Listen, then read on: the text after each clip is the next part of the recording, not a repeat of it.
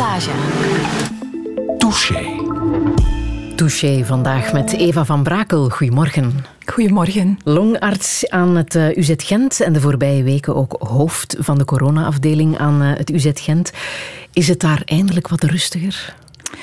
Ja, de, de rust begint uh, terug te keren en we proberen alle normale activiteiten ook stilletjes aan terug op te nemen. Hè. Je hebt zelf ook een beetje rust gehad de voorbije dagen. Vier volle dagen rust Heb je er kunnen ja. van genieten? Absoluut. Ja, ze hebben jou niet lastig gevallen. Nee, nee, nee, nee. deze keer niet. Nee. Maar het moet toch anders geweest zijn, hè, de voorbije tien weken uh, in het ziekenhuis? Ja, het is een, een rollercoaster geweest. Hè. Uh, ja, we zijn er ook heel, heel vroeg aan begonnen. Vanaf begin maart ja. hebben we elke ochtend zaten we samen in een taskforce met alle geledingen binnen het ziekenhuis. Hè. Dus ook alle mensen die verantwoordelijk zijn voor infrastructuur, de poetsdienst, verpleegkundigen, alle betrokken artsen. Um, allemaal samen voor de, voor de goede zaak. Ja. en heeft dat de relatie tussen jullie ook veranderd? Ja, gek genoeg zaten we eigenlijk samen met, met heel wat mensen die elkaar in andere omstandigheden ook vaak vinden. Uh, ja. En um, ik denk dat het, het virus heeft ons alleen nog dichter bij elkaar gebracht. Terwijl je afstand moet houden, heeft het toch ja, jullie dichter spreek, bij elkaar gebracht. Dan, ja. ja. Heeft het van jou een andere arts gemaakt? Um, een andere arts, uh, nee. Ik heb wel andere rollen moeten opnemen. Hè. Af en toe ook meer de rol van, van de manager. -huh. um, dat was voor mij wel, wel nieuw. Of toch, toch iets, ja. in, iets van die omvang was, was voor mij wel nieuw. Um, maar ik heb toch geprobeerd om altijd uh, ten opzichte van, van patiënten mij verder te gedragen zoals ik altijd doe. Mm -hmm. En dit te beschouwen als ja, wel een nieuwe aandoening. Um, maar, maar eigenlijk vanuit ja, de, de achtergrond die we... Uh, ja, ja, die al lang mee hebt eigenlijk. Uh. Ja. Hoe zou jij jezelf omschrijven? Um, ik ben een uh, zeer uh, levenslustig en enthousiast uh, persoon. Heel gedreven ook, volhardend, wat perfectionistisch. maar daarin tegelijk ook wel flexibel, adaptief, veerkrachtig, denk Aha. ik wel. ik probeer ook altijd integer te zijn, trouw aan mijzelf te blijven. Aha maar wel met een hoekje af. En dat vind ik heel belangrijk. Een, een flinke dosis zelfrelativeringsvermogen. Is dat wat jij begrijpt onder een hoekje af? Ja, een, een, een, af, af en toe uh, een, vleugje, een vleugje humor, uh, een beetje zelfkritiek, uh, zonder ja. dat het echt cynisch mag worden natuurlijk. Ja, je bent ook de arts die een maand of wat geleden koningin Mathilde mocht ontvangen hè, in het ziekenhuis. Hoe was dat? Ja, Vrouwen onder elkaar? Dat was toch wel uh, bijzonder. Ik, ja? ik, ben daar eigenlijk naar, naartoe gestapt als naar elke ge gewone werkdag. Ik had, ik had daar ook geen bijzondere verwachtingen over. Maar eigenlijk heeft, heeft haar bezoek mij wel geraakt. Ja, op welke manier? Uh, wel, het was eigenlijk een... een, een zij, zij heette dat zelf een werkbezoek. Ze zei, ik kom hier om te werken. Hè. Dus uh, het was als, we zaten als het ware in een vergaderopstelling... En uh, diensthoofd intensieve zorgen en ikzelf hebben dan de kans gekregen om eigenlijk uh, uit de doeken te doen hoe, hoe we eigenlijk de crisis hebben aangepakt. En dan, ik, ik stond echt versteld van haar, van haar dossierkennis, uh, de, de concrete vragen die ze ons stelde, mm -hmm. ook naar revalidatie toe van patiënten, ook de psychologische aanpak, mm -hmm. want dat was eigenlijk haar, de reden van haar bezoek. En zij is zelf ook psychologe. Um, en uh, ja, dat was achteraf gezien toch wel een, uh, een bijzondere ervaring. Ja. En ja. heb je het nieuws wat gevolgd over haar dochter Elisabeth, die de militaire school gaat volgen? En uh, in de krant stond met een legging uit Deinze. Ja, ik. Jouw geboortedorp. Klopt. Is, die, die, die legging is, is al veel over de, over de tongen gegaan. Ja. Ja, ja. Nu, ik kan mij voorstellen dat je natuurlijk onder, onder de indruk bent van zo'n bezoek van de koningin. Maar vooral de patiënten hè, en hun reacties en dankbaarheid raakt jou heel erg. Hè? Ja, zeker. Um, ik, ik, vond dat nu tijdens die coronacrisis toch wel heel opvallend hoe, ja, hoe mensen zich continu eigenlijk dankbaar hebben opgesteld. Ja. uh, tegenover ook de verpleegkundigen. Hè, want ik kan dat niet genoeg benadrukken. Dat zijn de echte helden. En diegenen die het meeste uren doorbrengen uh, met die lastige pakken aan. Ook uh, het logistiek personeel, poetsvrouwen, die toch in zeer moeilijke omstandigheden moesten werken. En het mooie was dat eigenlijk quasi alle patiënten daar heel veel aandacht voor, voor hadden. En, en die dankbaarheid, dat, dat, was toch wel iets wat, ja, wat, wat, wat echt veel deugd deed. Eva van Brakel, welkom in Touché. Radio 1. 1. Friedel Massage. Touché. Birds flying high, you know how I feel. Sun in the sky, you know how I feel. Breeze drifting on by, you know how I feel.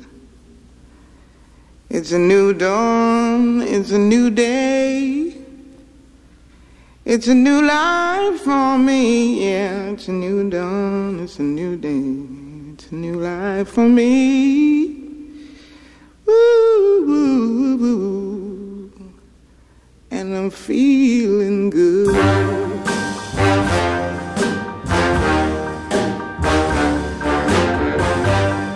Fish in the sea, you know how I feel.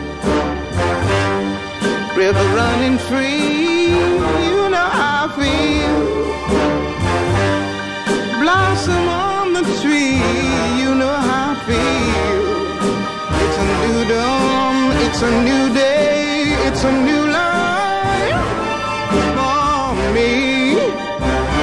and I'm feeling good.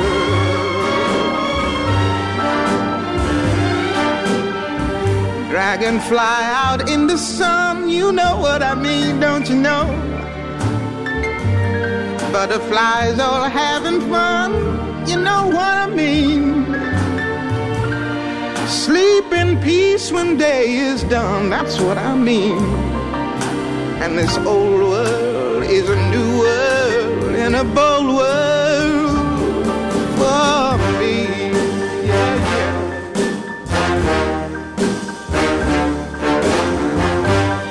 Stars, when you shine, you know how I feel scent of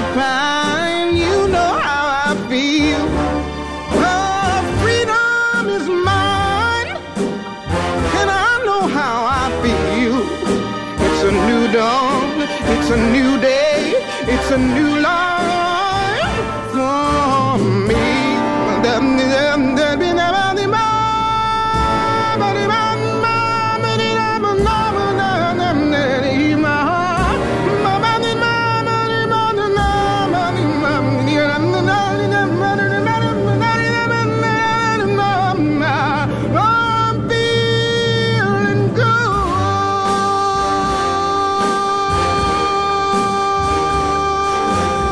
Eva van Bragel, als jij een topdokter bent, dan is Nina Simone een topzangeres. Natuurlijk Feeling Good. Waarom wou je dit laten horen? Um, eigenlijk hangt er voor mij niet direct een, een verhaal aan vast aan dit nummer. Uh, het is meer een, echt een gevoel dat ik daaraan associeer. Het is natuurlijk een, een, een, een lied dat uh, ja, zij vanuit het, uh, het gevoel van de bevrijding ook heeft geschreven.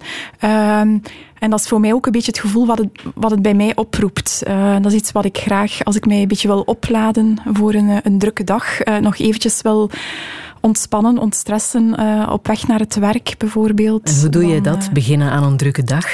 Sta je dan nog voor de kleerkast na te denken, wat trek ik aan vandaag?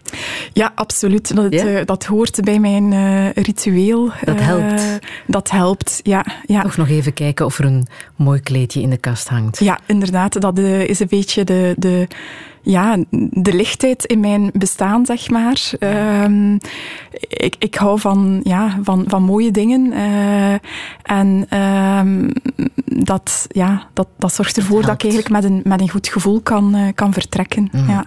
Lees jij ook elke dag de cijfers vandaag bijvoorbeeld um, zitten we aan 9280 mensen die zijn gestorven. Onder wie um, uh, ondertussen zijn er ook 256 mensen die nog altijd op uh, intensieve zorgen liggen en 1324 mensen in het ziekenhuis. Volg jij die cijfers nog uh, zo erg op de voet? Ik volg ze zeker niet, niet op de voet. het is natuurlijk moeilijk om je, je oren en ogen voor te sluiten. Hè. Dus uh, ik hoor ze elke dag wel eventjes binnenkomen. Um, maar weet jij hoeveel mensen je zelf genezen hebt verklaard? Ja, dus, dus inderdaad, binnen ons ziekenhuis zijn we daar ook ja, uh, continu met die, met die cijfers bezig. Uh, en um, dat is ook iets wat we ook wel heel sterk monitoren. Um, om, om, om te zien of, of, of dat we eigenlijk, ja, dat er zeker geen, dat we goede zorg kunnen, kunnen leveren. En tot nu toe lijkt dat eigenlijk wel gelukt te zijn. En wat voor gevoel geeft dat als je iemand die echt ernstig ziek is geweest, op intensieve zorg heeft gelegen, als je die genezen kan verklaren?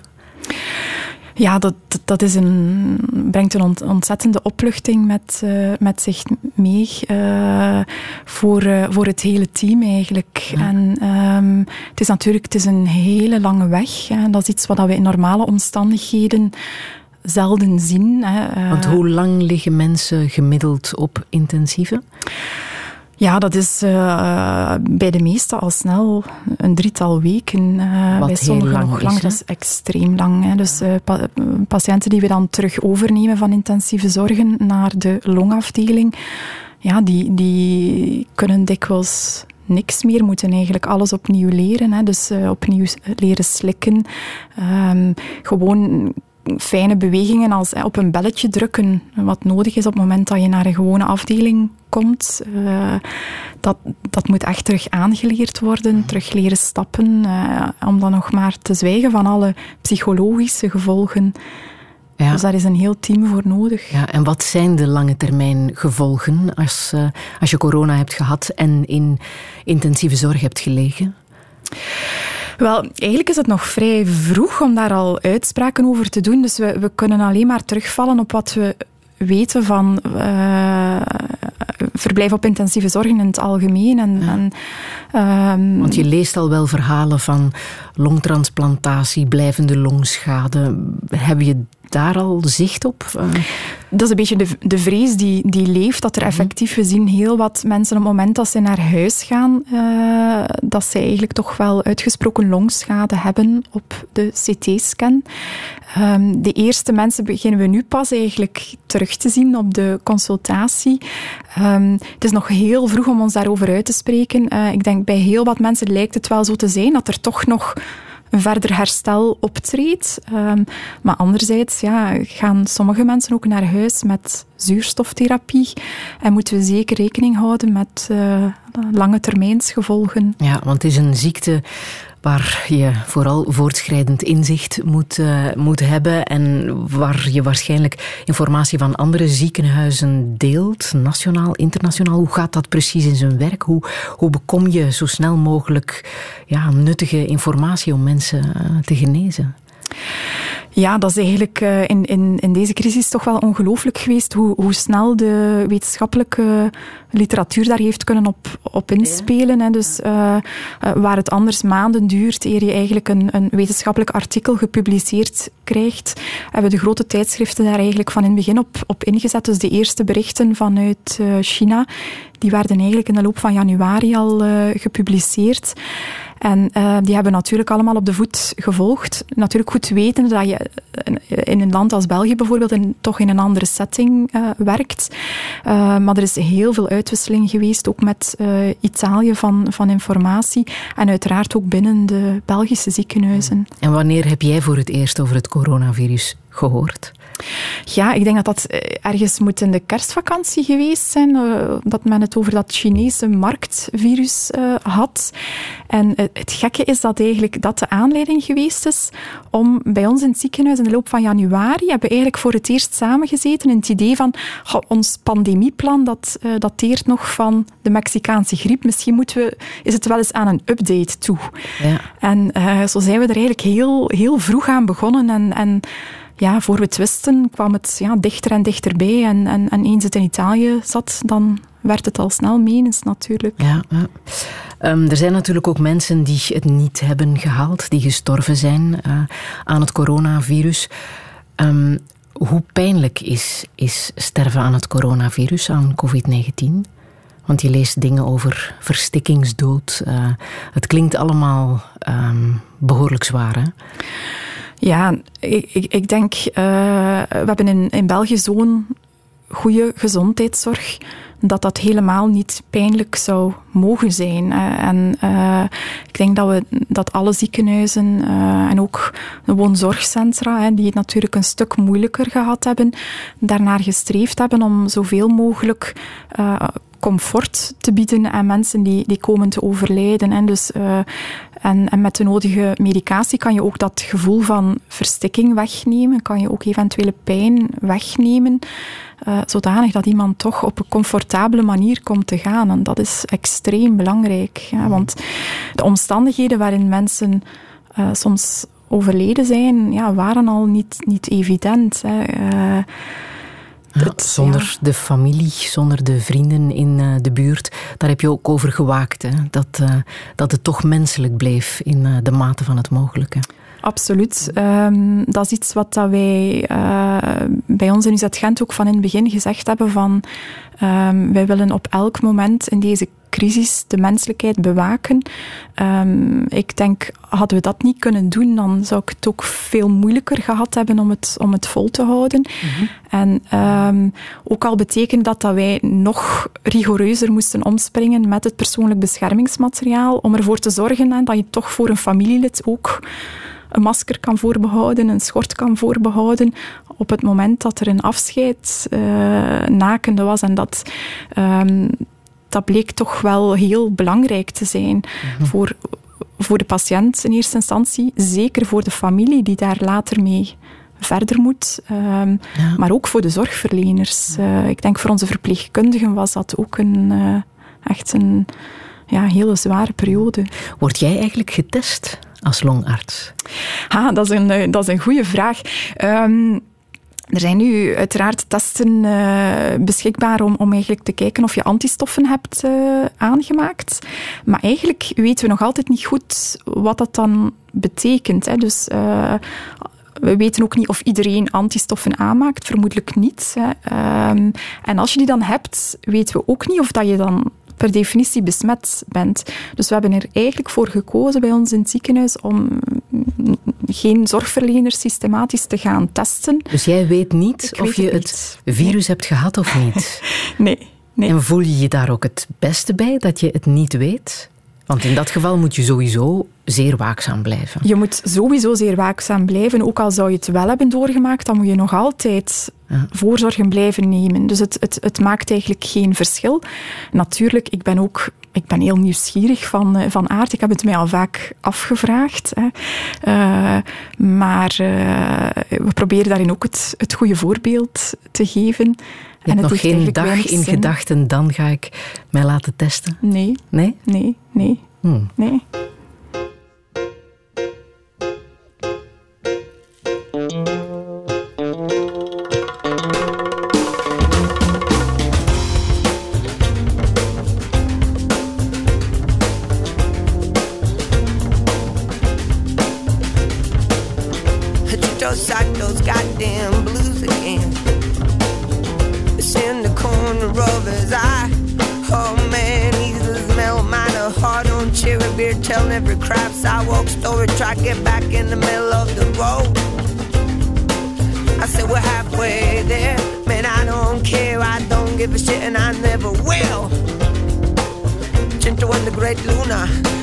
The Man and the Wrong Wife a twisted soul and one more call for alcohol.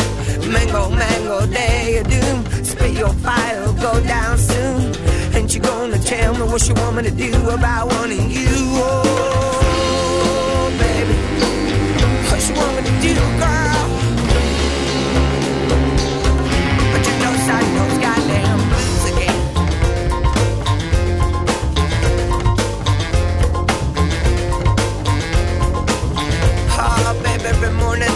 Head was skies that said the sun come up and blind my eye from behind. Let me tell you, Gento man, Gento said, Gento got a broken head. Gento lights a cigarette, takes his broken mind to bed.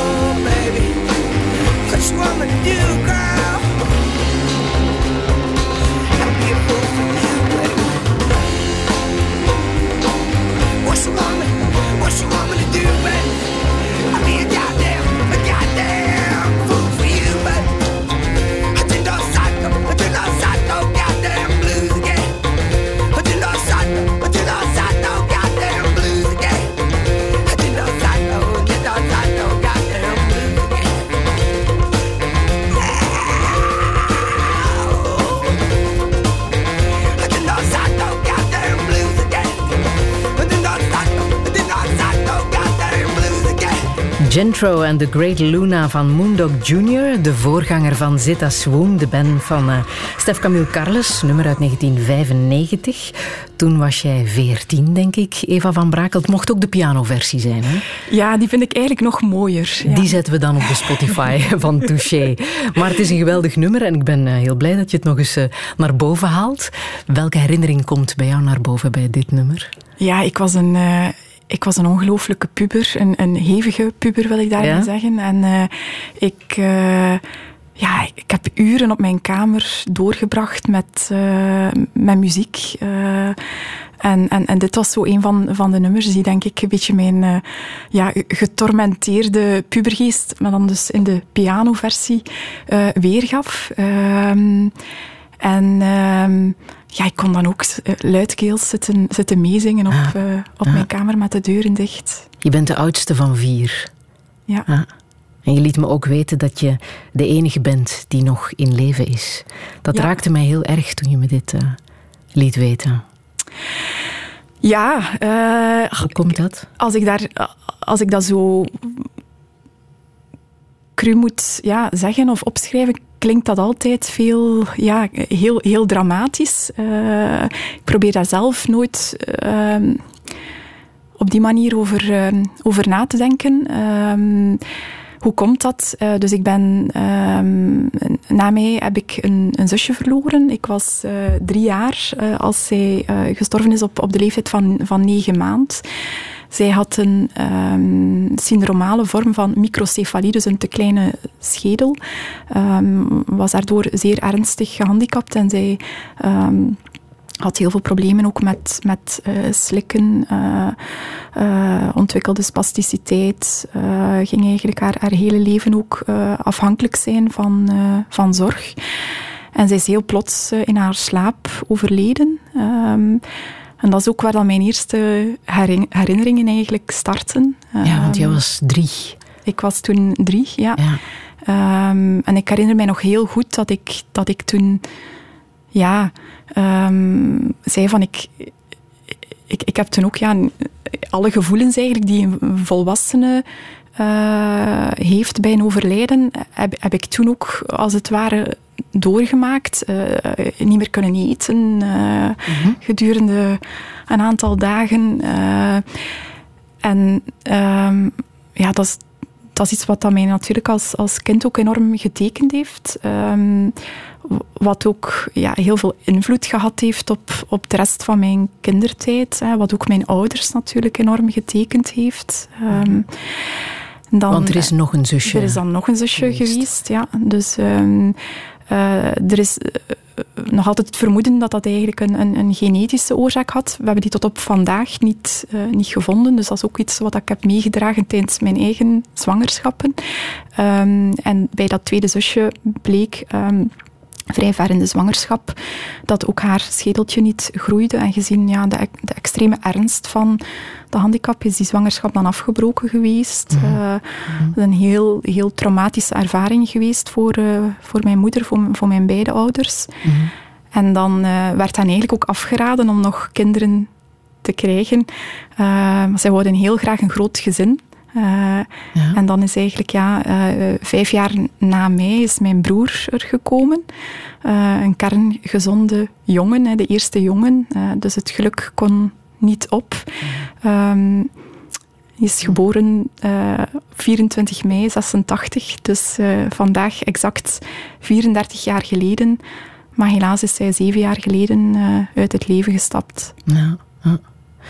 Um, jij bent ook opgegroeid bij je grootvader, hè? Uh, ja, ik ben opgevoed door, door mijn grootvader. Dus mijn grootvader die kwam elke dag bij ons uh, thuis. Uh, dus ik werd wakker van het geluid van de voordeur. en die, ja, die zorgde eigenlijk voor ons tot, tot ah. s'avonds laat. Wat voor man was hij? Was een ja, heel, heel bijzondere man, een, een heel volksfiguur, um, die op een heel ja, luchtige manier ook soms in, in, het, in het leven stond, die ook natuurlijk ja, heel wat verdriet meedroeg, maar uh, op een heel optimistische manier ook daarmee omging. Uh, die ja, heel veel um, van die typische Vlaamse wijsheden kon verkondigen. En, en uh, ja, heel erg no-nonsense was eigenlijk. Uh, en, ik heb daar enorm veel liefde van uh, gehad. en hij is plots gestorven. En ook hij is plots gestorven eigenlijk op een... Ja, eigenlijk ook veel, veel te vroeg. Um, hij was, was iemand die, die heel actief was, heel vitaal was. Die was in september op zijn zeventigste nog die fietste nog naar de zee bijvoorbeeld. Um, en dan een paar weken later uh, uh, zijn er bij hem ja, uitzaaiingen in de longen uh, gevonden en is hij eigenlijk op, op een paar weken tijd overleden. ik was toen dertien. Ja. Um, en ja, vanaf dan ben ik eigenlijk heel zelfstandig. Uh, ja, want hoe was het voor jou om dan terug bij je ouders terecht te komen en inderdaad als puberend meisje uh, op te groeien?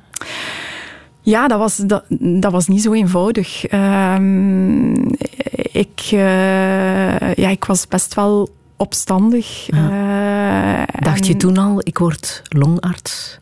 Ja, je, je, zou nu denken dat het daar iets mee te maken heeft, maar eigenlijk, eigenlijk niet. Eigenlijk helemaal niet. Uh, um, ik, ik heb wel altijd arts willen worden en dat van, van kleins af aan. Ik zei letterlijk, uh, als ik uh, een jaar of drie was, van ik, ik wil niet dat er nog mensen moeten, moeten doodgaan. Hè. Ja, ja. Heel, heel simplistisch dan, maar dat is toch wel een beetje die, ja, het, het, het helpen van mensen is toch wel mijn nog altijd mijn, mijn drijfveer. Ja. Um, dus het was wel duidelijk dat je die richting zou uitgaan. Dat was vrij snel duidelijk, ja. ja, ja.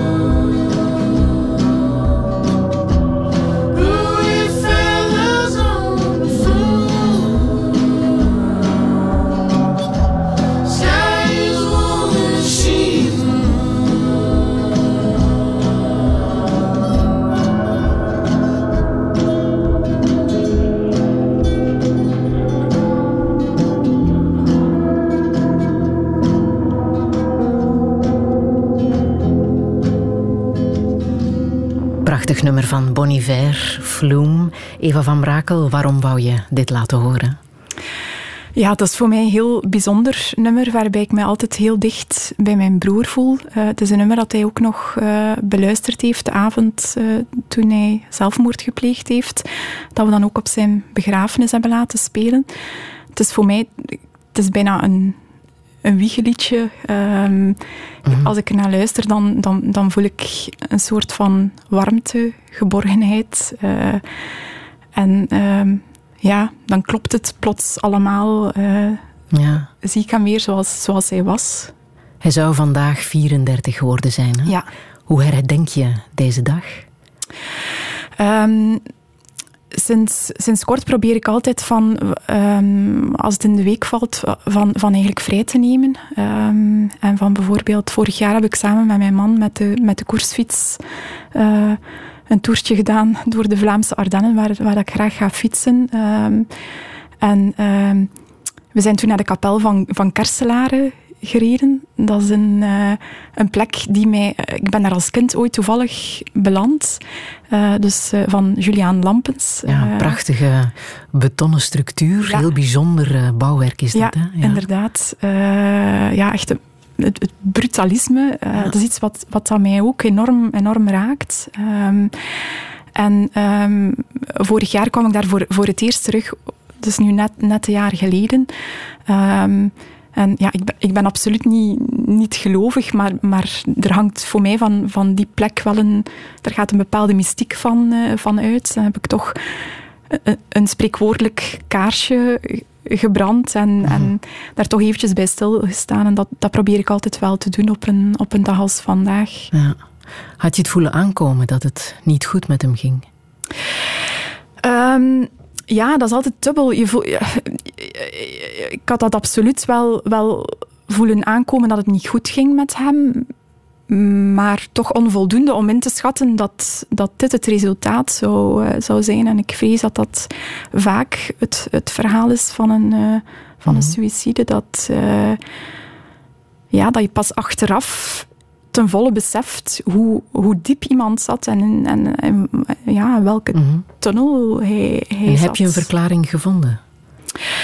Wel, er is natuurlijk nooit één verklaring. Hè. Zoiets is altijd multifactorieel. Um, en um, het begint altijd to toch met een, een, een zekere kwetsbaarheid. Uh, nu, ja, mijn broer is eigenlijk heel normaal opgegroeid en was, was heel levenslustig ook. Een, een, een echte bon vivant. Uh, hij had een grote, hechte vriendenkring. Um, en um, hij was eigenlijk net uh, afgestudeerd als, uh, als huisarts. Um, hij was uh, ja, 26 jaar. En um, eigenlijk een, een, jaar voor zijn dood heeft hij plots een klacht gekregen van een familielid van een patiënt eigenlijk over iets heel, heel banaal.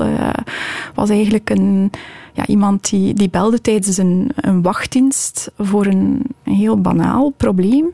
Um, waarbij hij oordeelde, het was op een zondagavond laat, van als ik, als ik nu ja, hier voor een, op huisbezoek kom, dan, dan is, dat een, is dat een nachtbezoek. En dus hij had nog een paar vragen gesteld en, en uiteindelijk gezegd van ja, kijk, neem, neem misschien een pijnstiller en kijk eens of het beter gaat. Um, en, uh, maar hij was niet gaan kijken, uh, omdat hij oordeelde dat dat eigenlijk ja, misschien ook niet nodig was. Uh, en die persoon kon ook de dag nadien bij haar eigen huisarts terecht. En bleek ook allemaal eigenlijk, ja, er bleek niets ernstig aan de hand te zijn. En, en het ging eigenlijk om een, ja, een zelflimiterend probleem. Um, maar dus een, familielid heeft dan eigenlijk een klacht ingediend bij de, de orde uh, van artsen tegen mijn broer, omdat hij dus niet was komen kijken. Um, en um, gans dat proces, hè, dat heeft eigenlijk een, een jaar aangesleept. Um, op eigenlijk een manier die, die hem als, als jonge arts uh, ja, enorm on, ontwricht heeft. Um, waarbij dat hij, ja, hij was eigenlijk bij mijn vader in opleiding. Mijn vader mocht, ook niet, mocht hem ook niet bijstaan. Uh, hij moest uh, voor een raad verschijnen van, uh, van wijzen, zeg maar, om zich te, te verdedigen uh, over eigenlijk iets heel, heel banaal, bijna absurd, als je daar nu op, uh, op terugdenkt. En dan, uh, na dat jaar heeft men dan ook geoordeeld dat er absoluut geen enkele schuld trof. Hè. Dus dat stond ook zo op papier. En dan zes dagen later is zij uit het leven gestapt. En in, in, dat jaar um, is zij volledig... Ja, heb ik gemerkt dat hij steeds verder en verder van ons verwijderd geraakte. Uh, en dat hij eigenlijk ook ja, het heel moeilijk had om daarmee om te gaan. Hij was, ja, zijn relatie was een, een, stuk, een tijdje daarvoor afgesprongen. Hij was ook ja, uh, vrij alleen. Ik denk dat hij zich enorm eenzaam moet gevoeld hebben, ondanks het feit dat hij een, een grote vriendenkring had. Heeft daar ook en, dat vind ik nog altijd heel intrigerend. Heeft daar nooit met zijn vrienden over gesproken. Dus wij waren de enigen die wisten dat dat liep.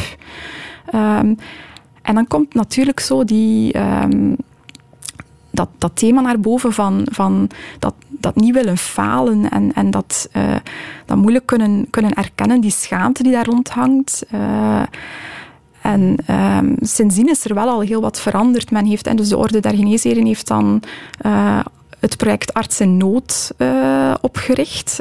Uh, want mijn broer is natuurlijk geen alleenstaand geval. Hè, dus zelfmoordcijfers bij artsen zijn sowieso altijd al hoog geweest.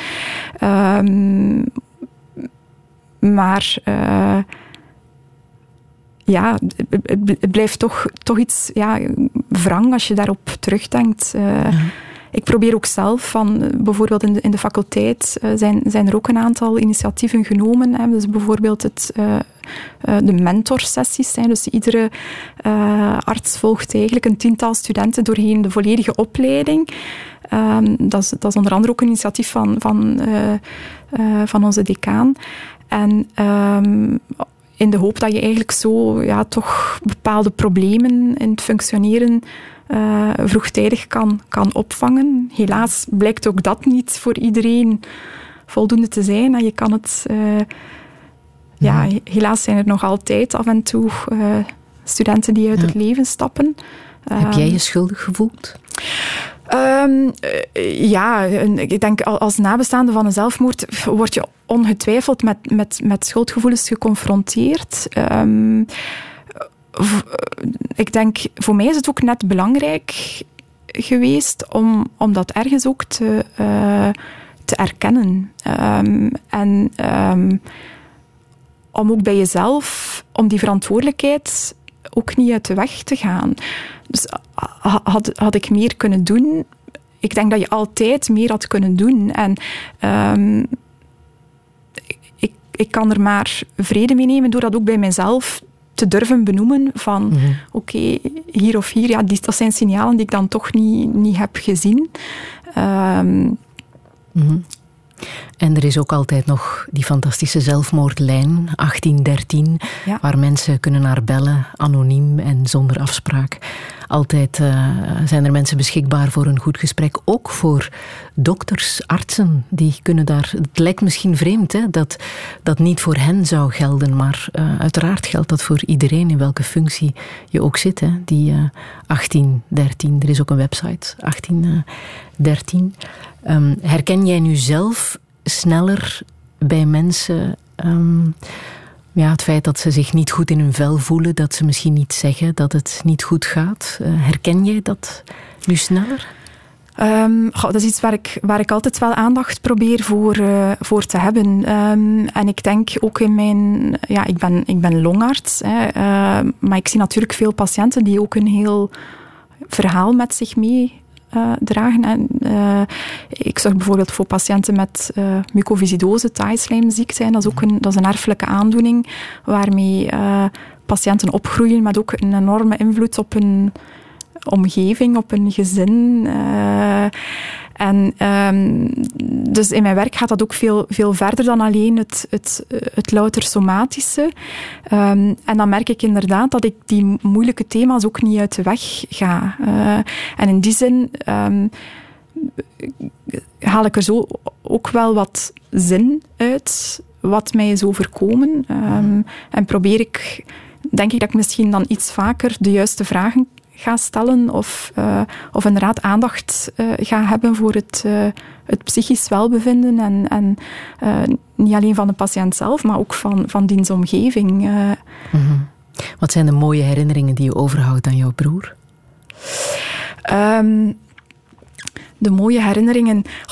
Ja, we waren echt. Um, we waren twee handen op één buik als we jonger waren. Um, en uh, we hebben uren en uren samen doorgebracht uh, met. Uh, dat we samen ook met, muziek bezig waren. we hebben heel veel gepraat ook. Um, en um, gewoon zijn, zijn stem, zijn, zijn manier van zijn, was heel, ja, um, was iemand die, die, heel humoristisch kon zijn ook. Um, heel bijzondere uh, manier van, van, van humor, uh, maar ook heel, heel altruïstisch. Iemand die, ja, eigenlijk was hem nooit iets te veel om voor een ander te doen. Wat ja. is het laatste wat je samen met hem hebt gedaan?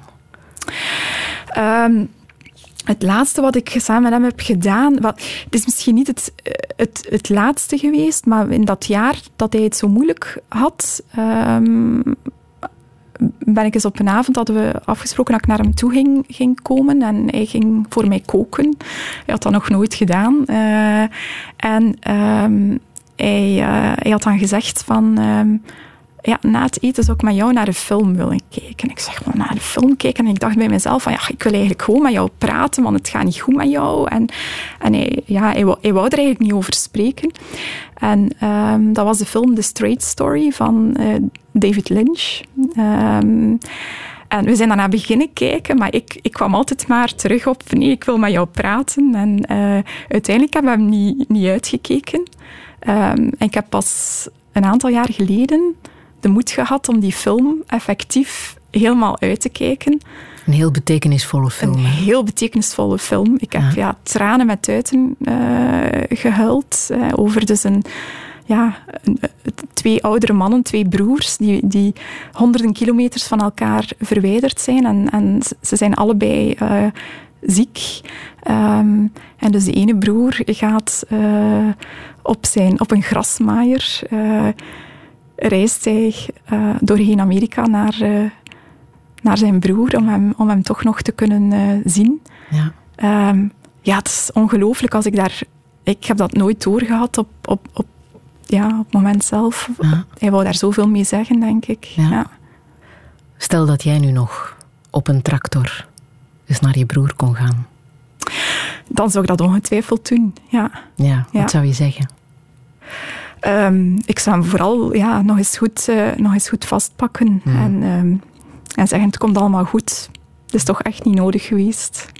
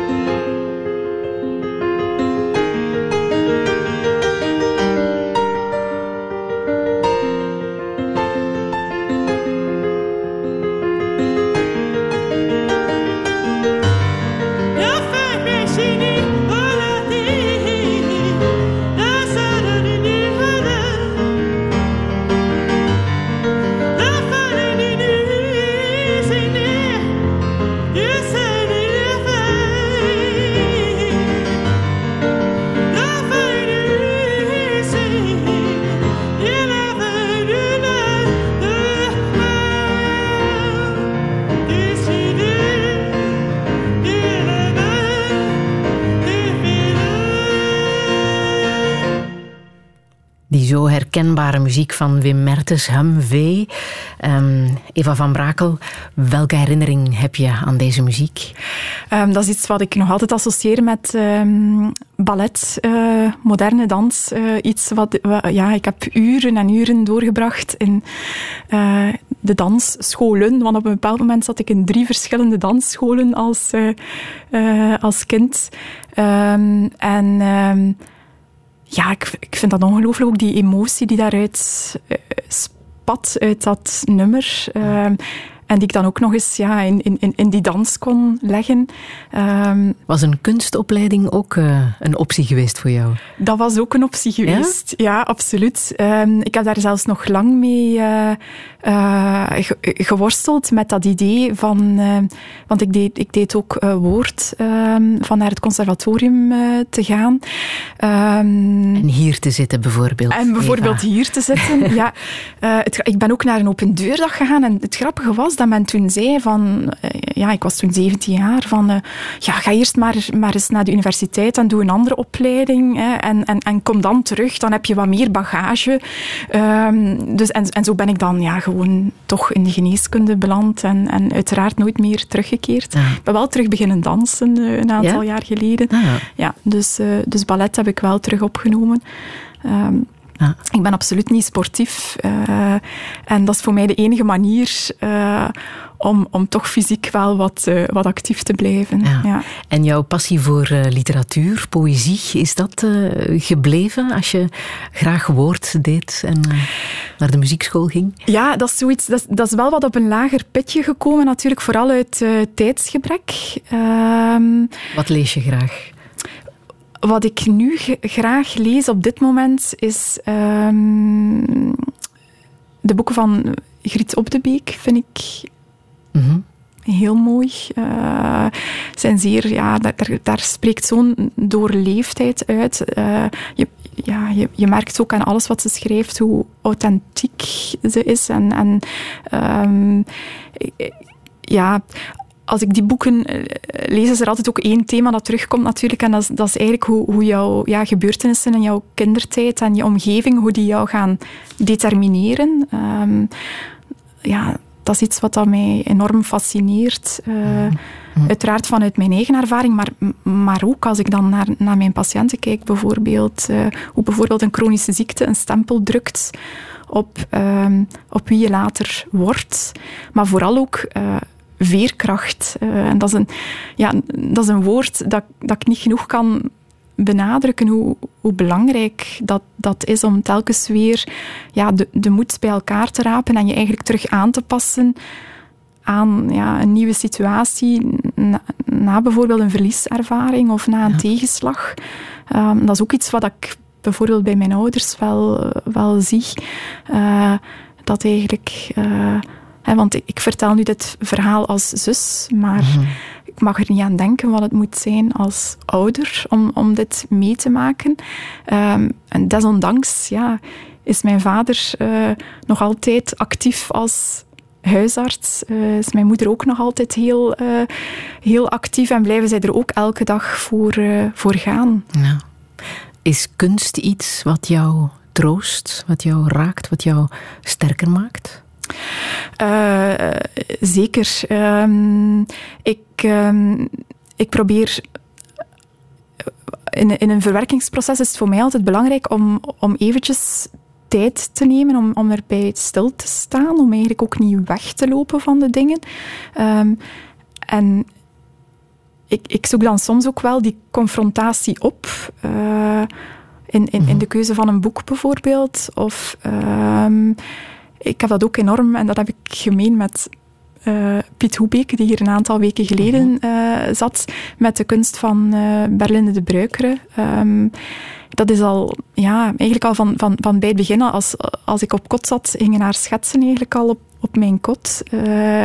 die, ja, die ruwe, die rauwe schoonheid eigenlijk van, van haar werk. Um, ik, ik, kan daar uren naar kijken en dat is alsof dat eigenlijk de belichaming is van, van bepaalde emoties ja. uh, die ja. diep, diep van binnen in mij toch altijd wel zitten. Je bent ook een uh, tv- en filmkijker, hè? Een beetje guilty pleasure, een paar series die ontspannen, maar ook de betere film, die, uh, die mag er ook zijn. Ik, heb, um, ik had de keuze, hè. je hebt verschillende dingen doorgegeven, maar ik heb muziek gekozen uit uh, Requiem for a Dream van uh, Darren Aronofsky. Waarom heeft die film jou zo geraakt? Um, ja, dat was een, dat is een film over uh, dus, dus verschillende verhalen die door elkaar uh, heen lopen. Uh, met eigenlijk verslaving als centraal thema. Ehm, en ehm, ja, ook opnieuw, ik denk opnieuw het, het menselijk leed. en, en, en het is ook een, het is een zeer rauwe film. Ik was ook zelf op dat moment ja, nog. nog nog heel jong. Uh, Film van twintig jaar geleden. Van twintig jaar geleden. Was je nog aan het studeren? Ik was aan het studeren, inderdaad. Uh, en um, ja, dat heeft mij toen enorm geraakt. Ja.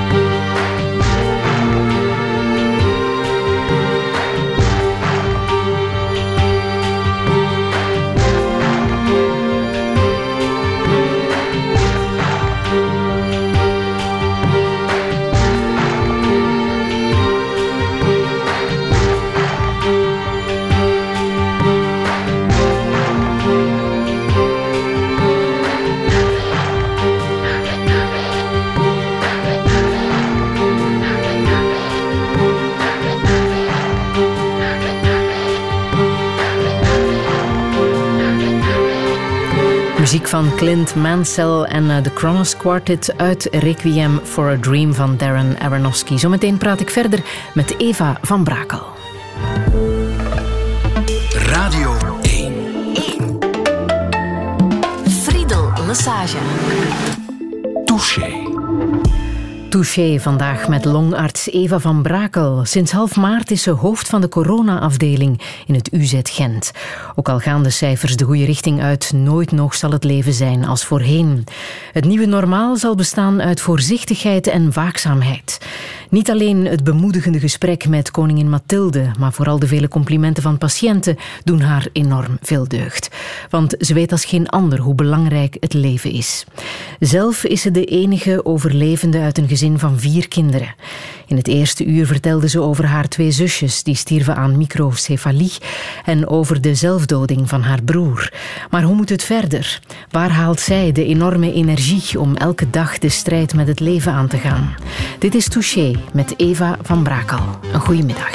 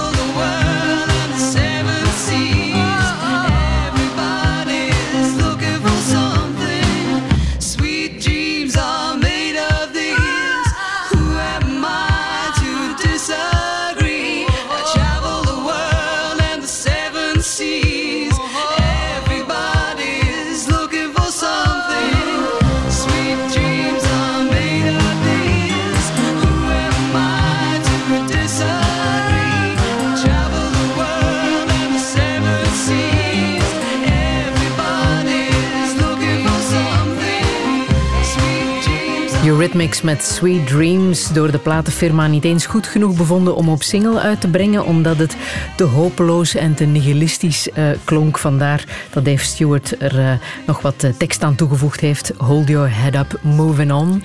Eva van Brakel, waarom wou jij het laten horen, dit nummer? Ja, eigenlijk, ehm, de reden is twee, tweeërlei. Ehm, ik denk in eerste instantie dat is eigenlijk een nummer waarop dat, dat ik gewoon graag eens volledig uit de bol ga. Dat is iets wat we thuis ook heel regelmatig doen. Er wordt heel veel gedanst bij ons in de keuken, in de, in de living. Uh, uh, ook mijn, mijn man en kinderen dansen zeer, zeer graag. dat zijn zo de momentjes dat, ja, dat we een keer alles laten, laten gaan.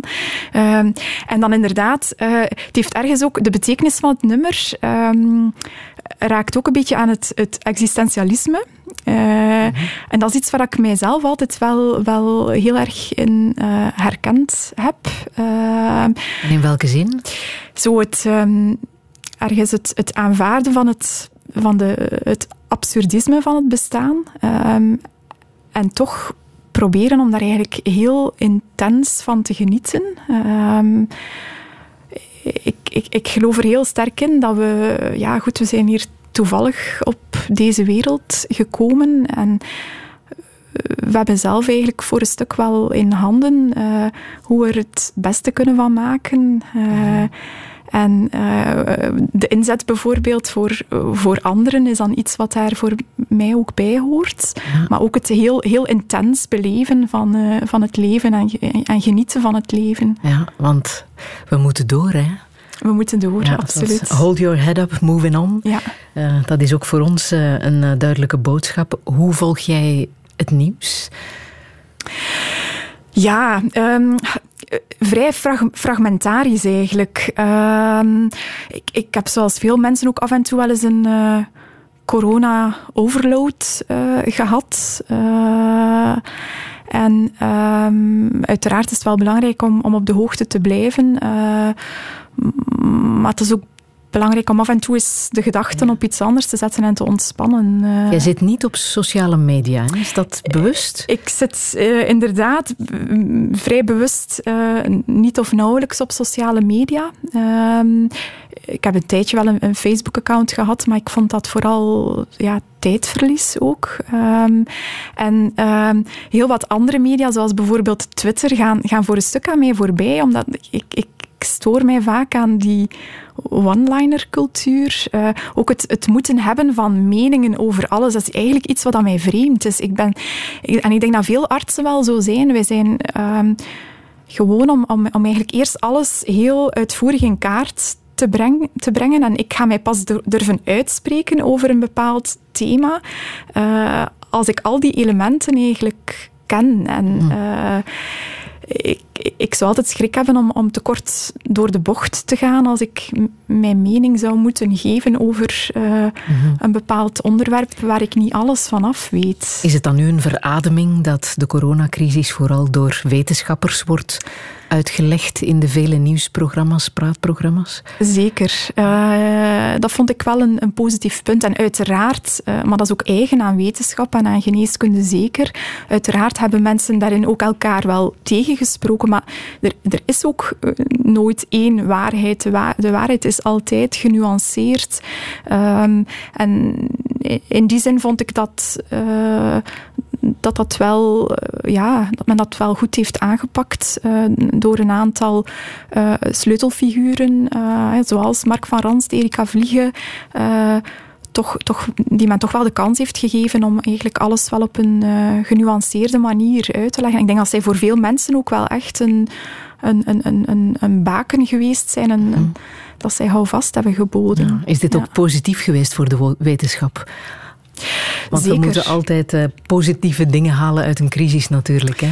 Ja, wat er zeker positief is, is dat alles plotseling, alles wat normaal gezien heel lang duurt, uh, niet alleen in de wetenschap, maar ook bijvoorbeeld binnen een, een, een, een ziekenhuis en een universitair ziekenhuis, uh, dat alles plots ja, veel sneller mogelijk kon gemaakt worden. Ja. En het is ook heel duidelijk geworden dat de zorgsector een sector is waar we moeten voor zorgen. Waar elke avond ook voor geapplaudisseerd uh, is uh, geweest uh, om acht uur. maar toch zei econoom Geert Noels hier een aantal weken geleden in Touché het volgende.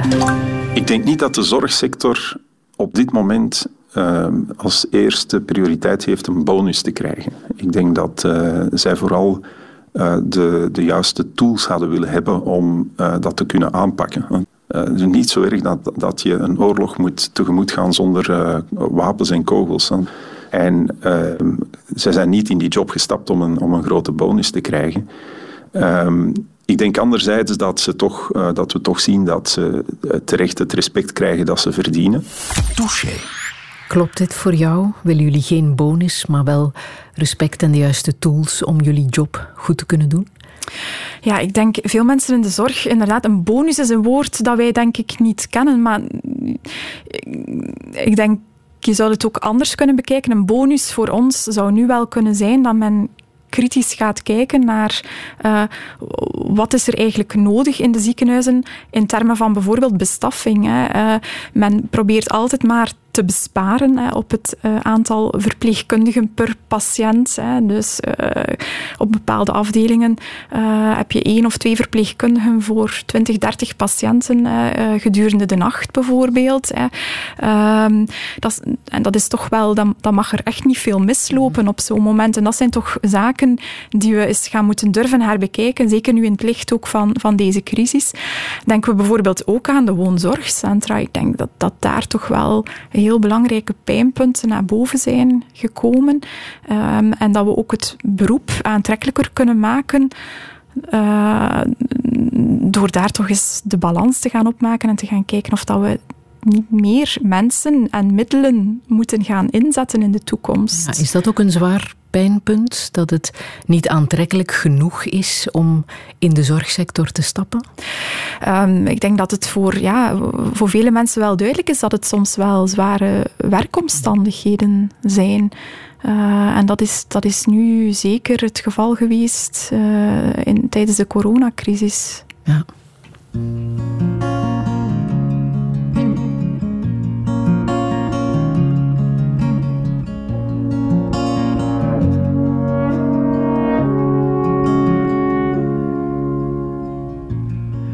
Kiss your mouth and swallow you whole. Been honed in my claim like a known phone denier. Wayward and skinny for dust in the moon from that honing water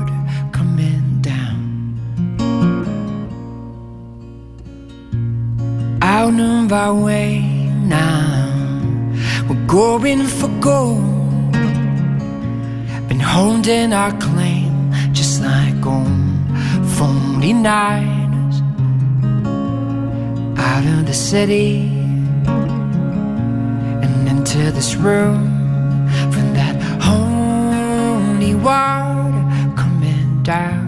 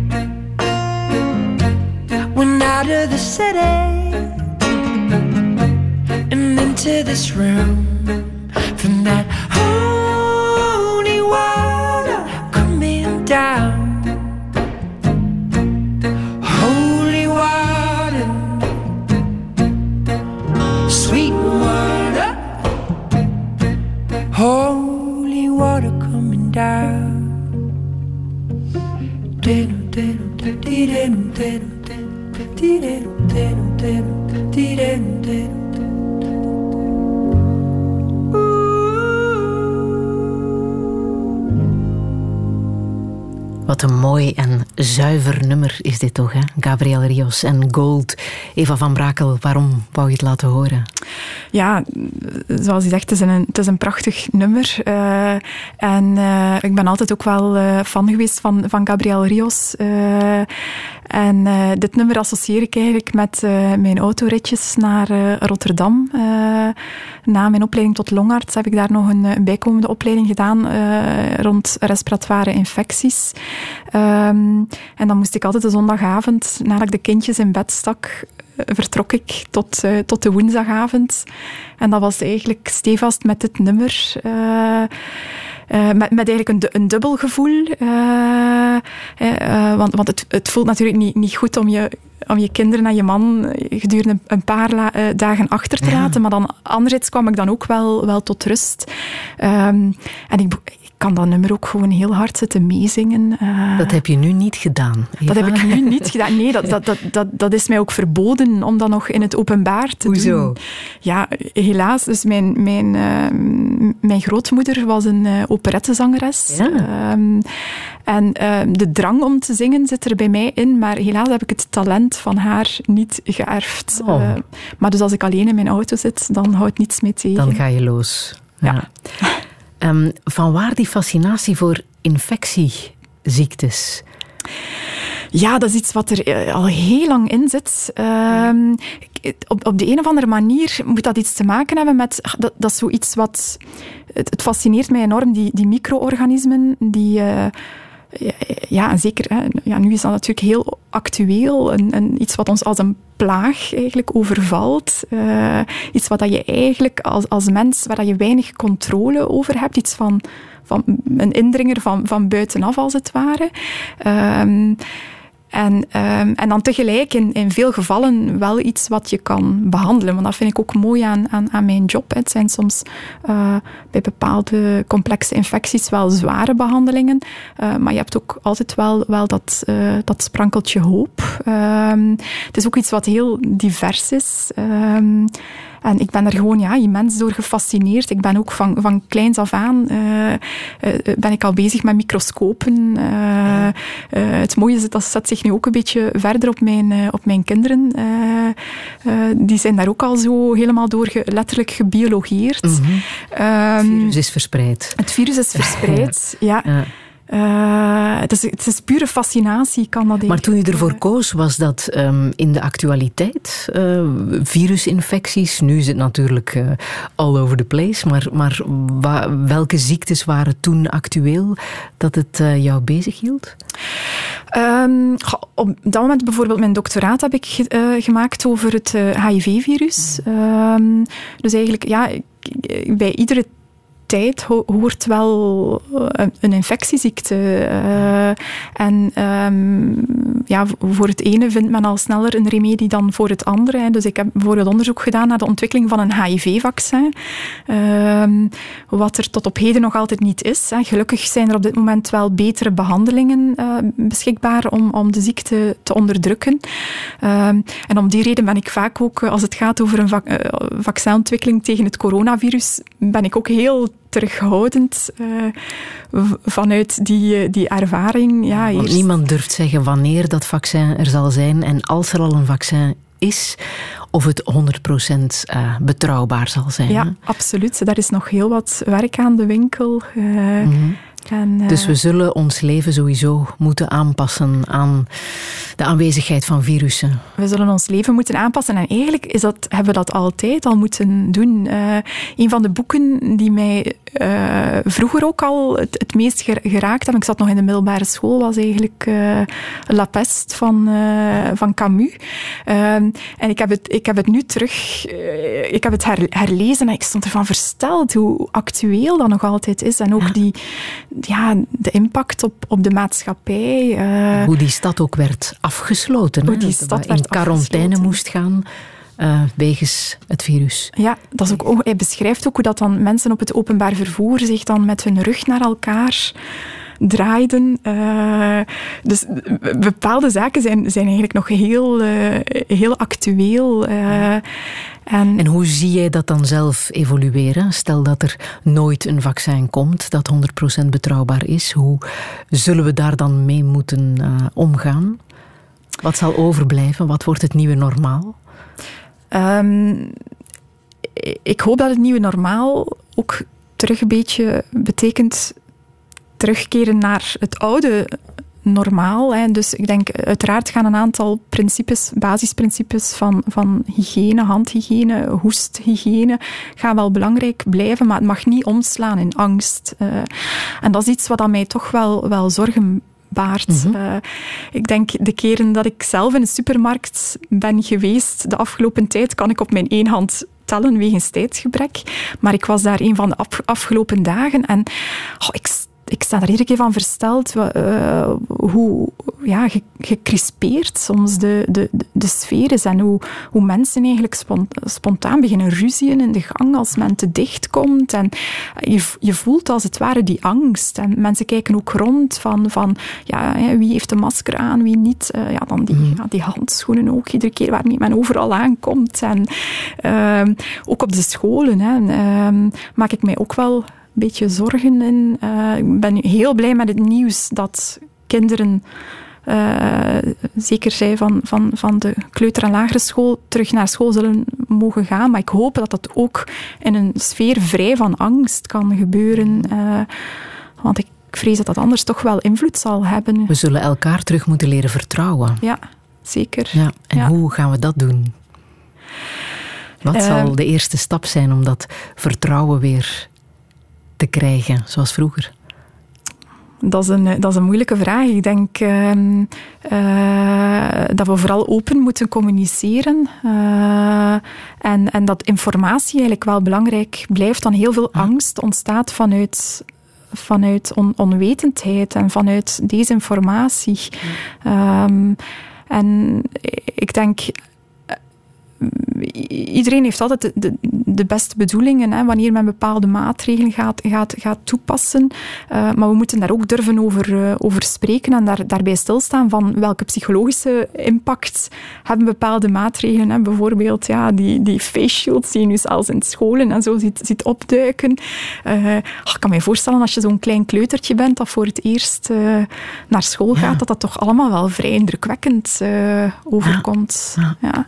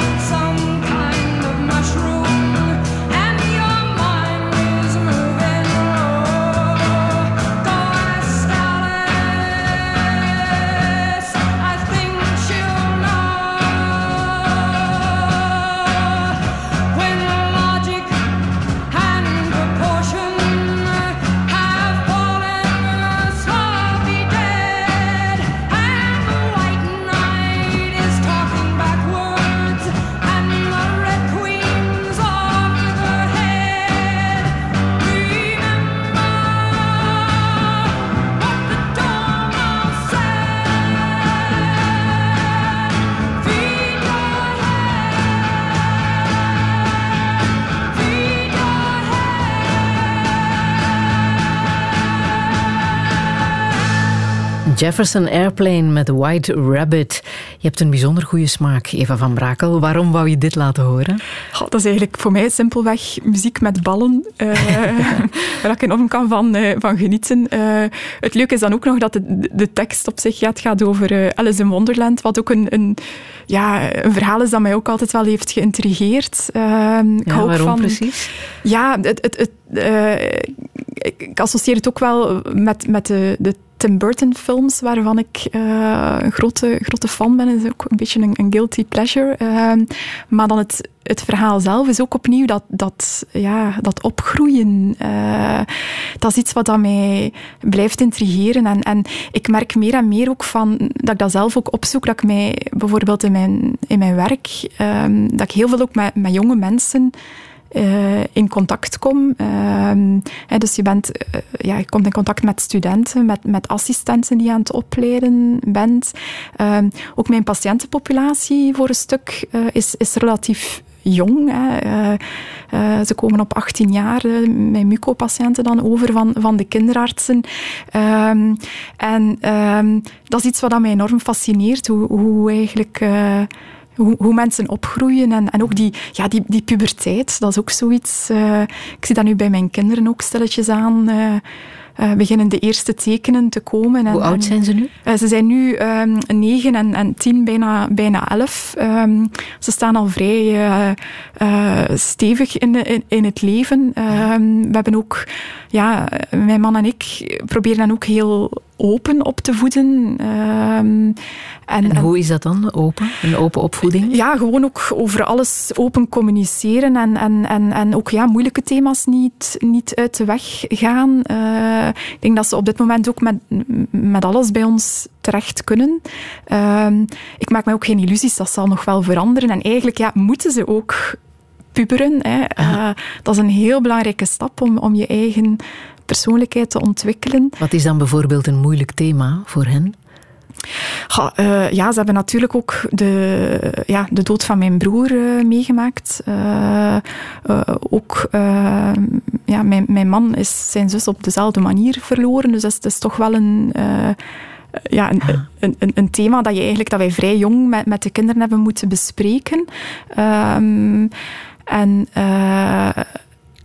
ja, ik vind het eigenlijk wel ongelooflijk hoe dat ook zij daarin al een, een hele weg hebben afgelegd. eh, en hoe, hoeveel veerkracht zij vertonen Ja. op zo'n jonge leeftijd. En dat stelt mij wel ger- gerust. En, en daar troost ik mij ook mee van, och, ja, het is zo- zo- zonde dat ze met zo'n zaken geconfronteerd geweest zijn. Maar anderzijds hoop ik dat ze daardoor misschien sterker in het leven gaan staan en misschien wel eh, ook later de nodige veerkracht zullen hebben wanneer ze zelf met eh, problemen geconfronteerd worden. Want hoe leg je dat uit aan kinderen, dat iemand uit het leven is gestapt? Ja, ehm, we zijn op dat moment, ehm, ben ik samen met mijn man bij een kinderpsychiater langs geweest om inderdaad net die vraag te stellen van hoe, hoe pakken we dat best aan. Ehm, en die heeft ons hele nuttige tips gegeven, dat we eigenlijk ja, toch best elk kind eventjes apart ook namen, omdat eigenlijk ja, elke, op elke leeftijd gaat men daar anders over, eh, eh, anders op gaan, reageren. Ehm, en zo concreet mogelijk, zo, eh, ja, zo eerlijk mogelijk. Want de fantasie van een kind is altijd veel erger dan de realiteit. Eh, En op alle vragen heel, heel open en eerlijk antwoorden. Jij en je man, jullie zijn allebei artsen. Helpt dat op een of andere manier dat jullie medisch geschoold zijn om dat soort dingen aan kinderen beter te kunnen uitleggen? Ga- ik, ik, ik, ik denk het on- onbewust wel. Hè. Eh, je, bent, je bent gewoon om, om, om moeilijke gesprekken te voeren.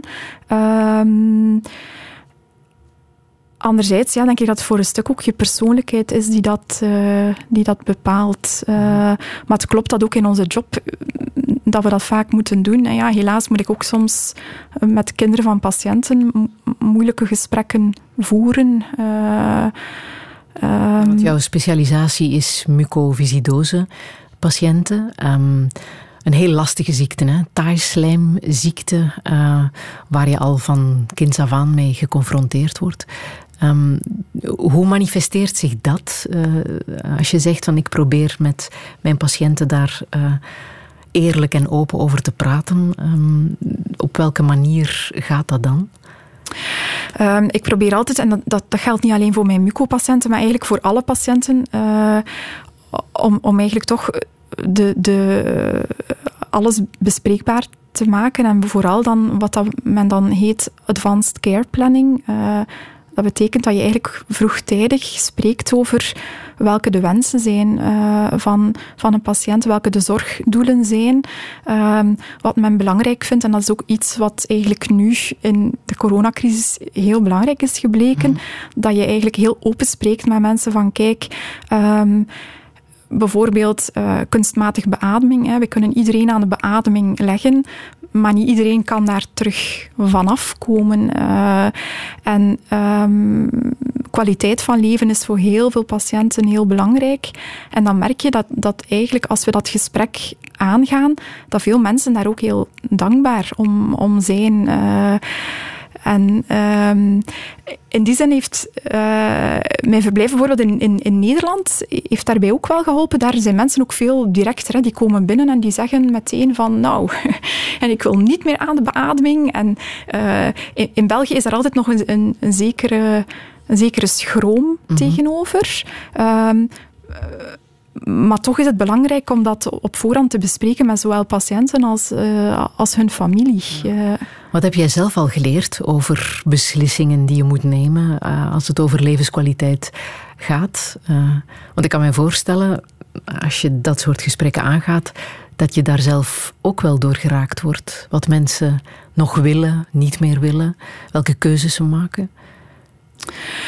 Ehm, ja, ik denk, ik denk die, ehm, die kwaliteit van leven eh, vind ik zelf ook heel eh, belangrijk. Veel hangt natuurlijk ook af van, van, van de context waarin je je bevindt. En, en als je eh, als ouder met, met jonge kinderen, ja, dan ga je natuurlijk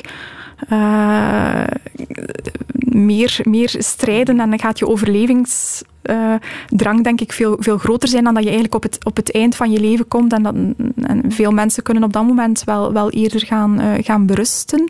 Ehm, ik denk dat het vooral ook een zaak is soms van vertrouwen te hebben in eh, het medisch team. Van, van, eigenlijk weten we dat wel vrij goed, wat, wat, wat zinvol is en wat, wat niet meer zinvol is. En dat wordt ook multidisciplinair besproken.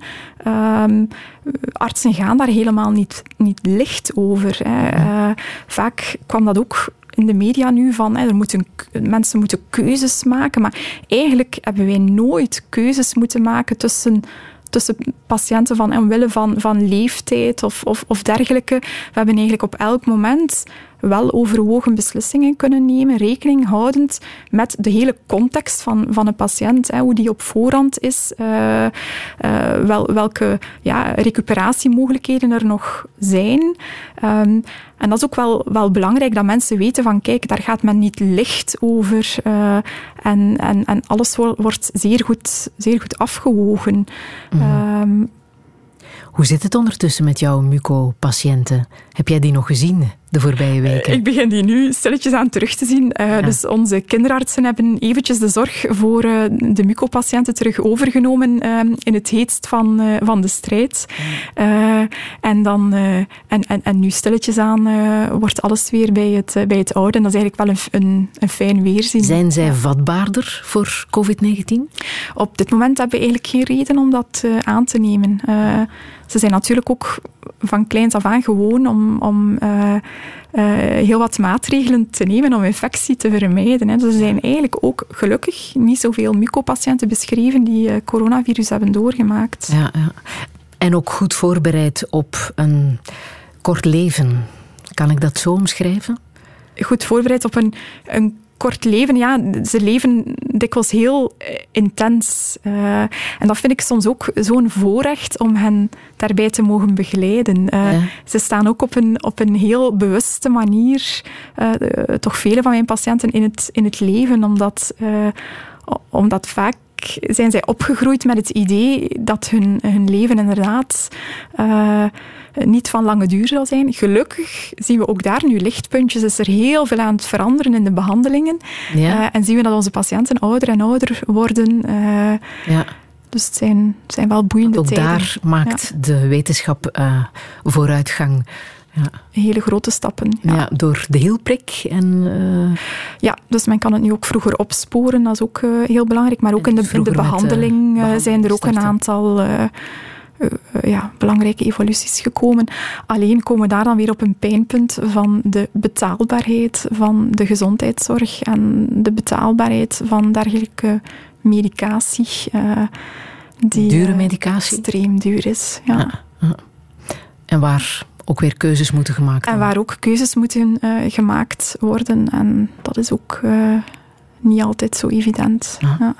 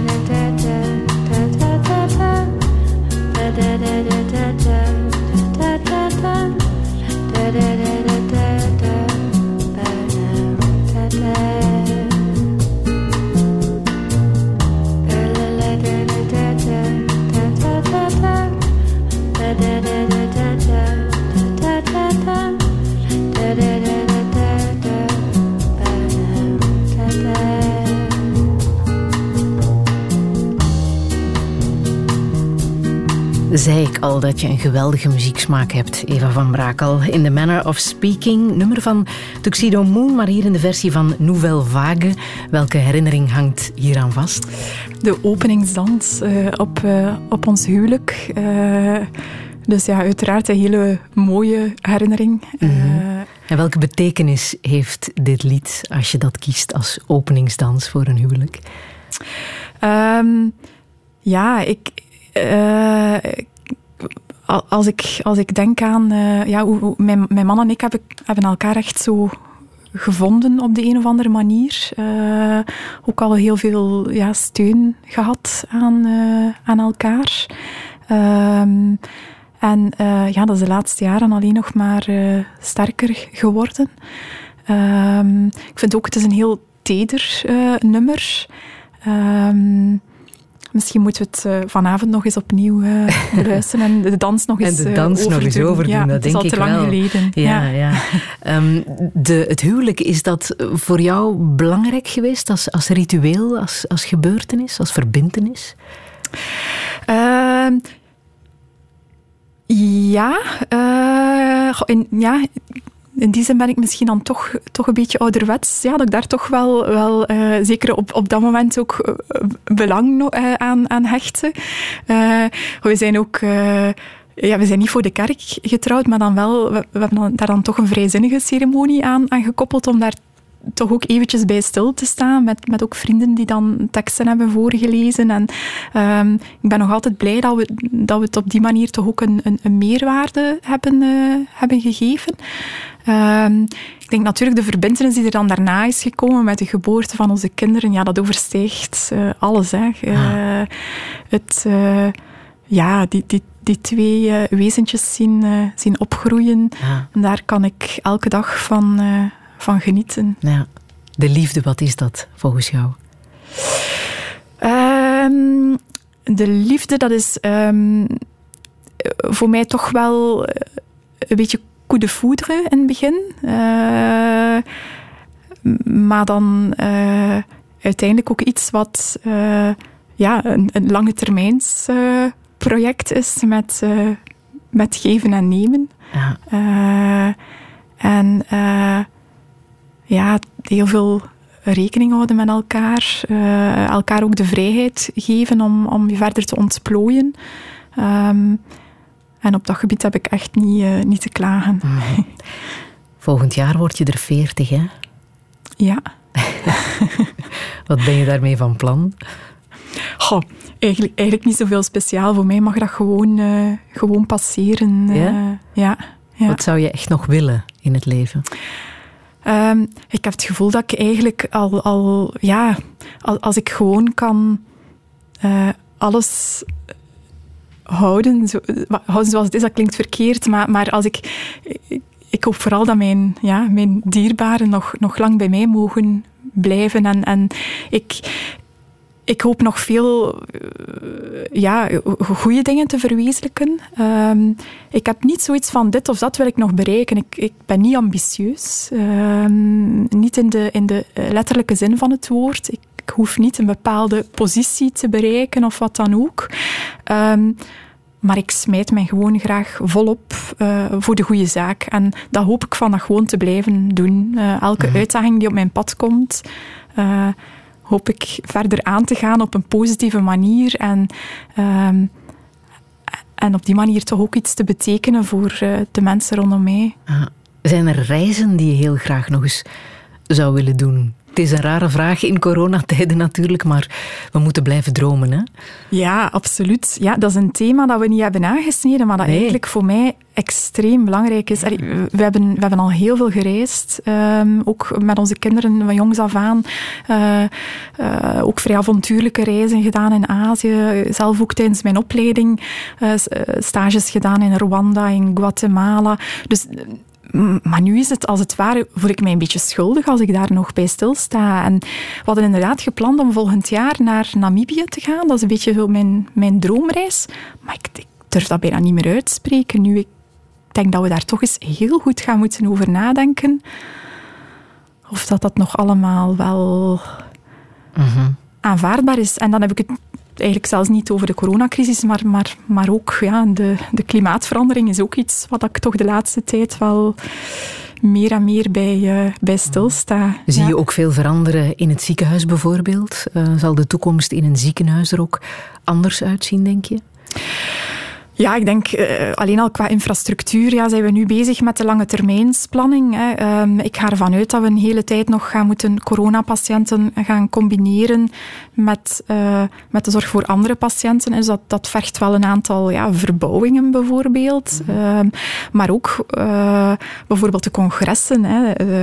Ja, Ja. Eigenlijk is het, als ik terugblik op het voorbije jaar, is het schandalig waar, waar ik allemaal ben geweest en hoeveel ik gevlogen heb voor eh, medische congressen. Ehm, Is zoiets op te vangen via de digitale middelen die er nu zijn? Het Ah. vele eh, digitale vergaderen eh, wat nu mogelijk is? Ik denk niet, niet, niet volle- volledig, maar wel grotendeels. Ja, nu, nu lukt het ook zonder. En het is eigenlijk soms ook wel een verademing hoeveel tijd er nu wordt gecreëerd daardoor. Hè.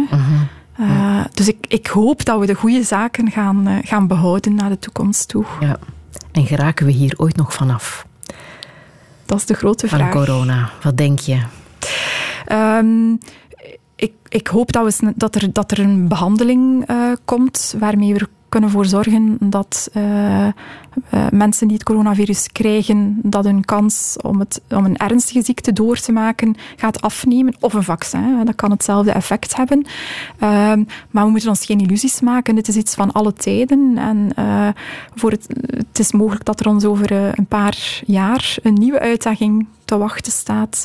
Ehm, En daar kunnen we maar beter op voorbereid zijn. Hè? Absoluut. Ja, welke boodschap wil je hier nog meegeven?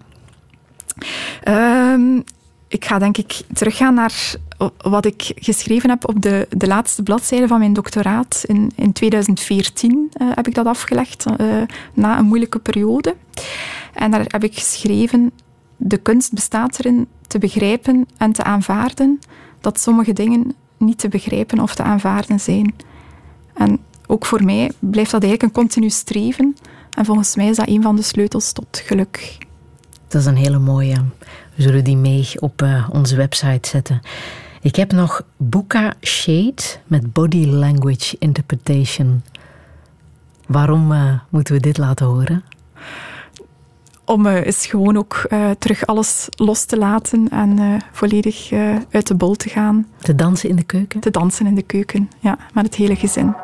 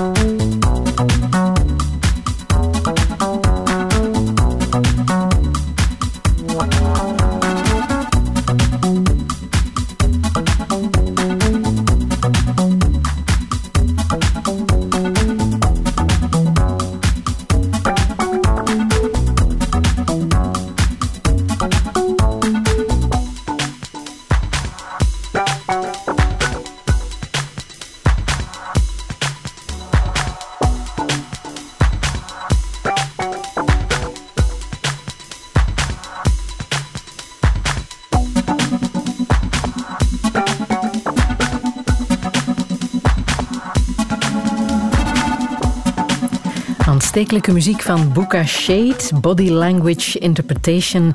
Ik wil jou bedanken, Eva van Brakel, voor dit eh, zeer mooie gesprek. Alles staat zometeen na te lezen op onze website radio1.be. Zometeen is er Grand Cru met muziek uit het geboortejaar van jouw broer, 1986. En volgende week ontvang ik hier Tom Waas. Ik wens je nog een heel liefdevolle zondag. Dankjewel, Friedel.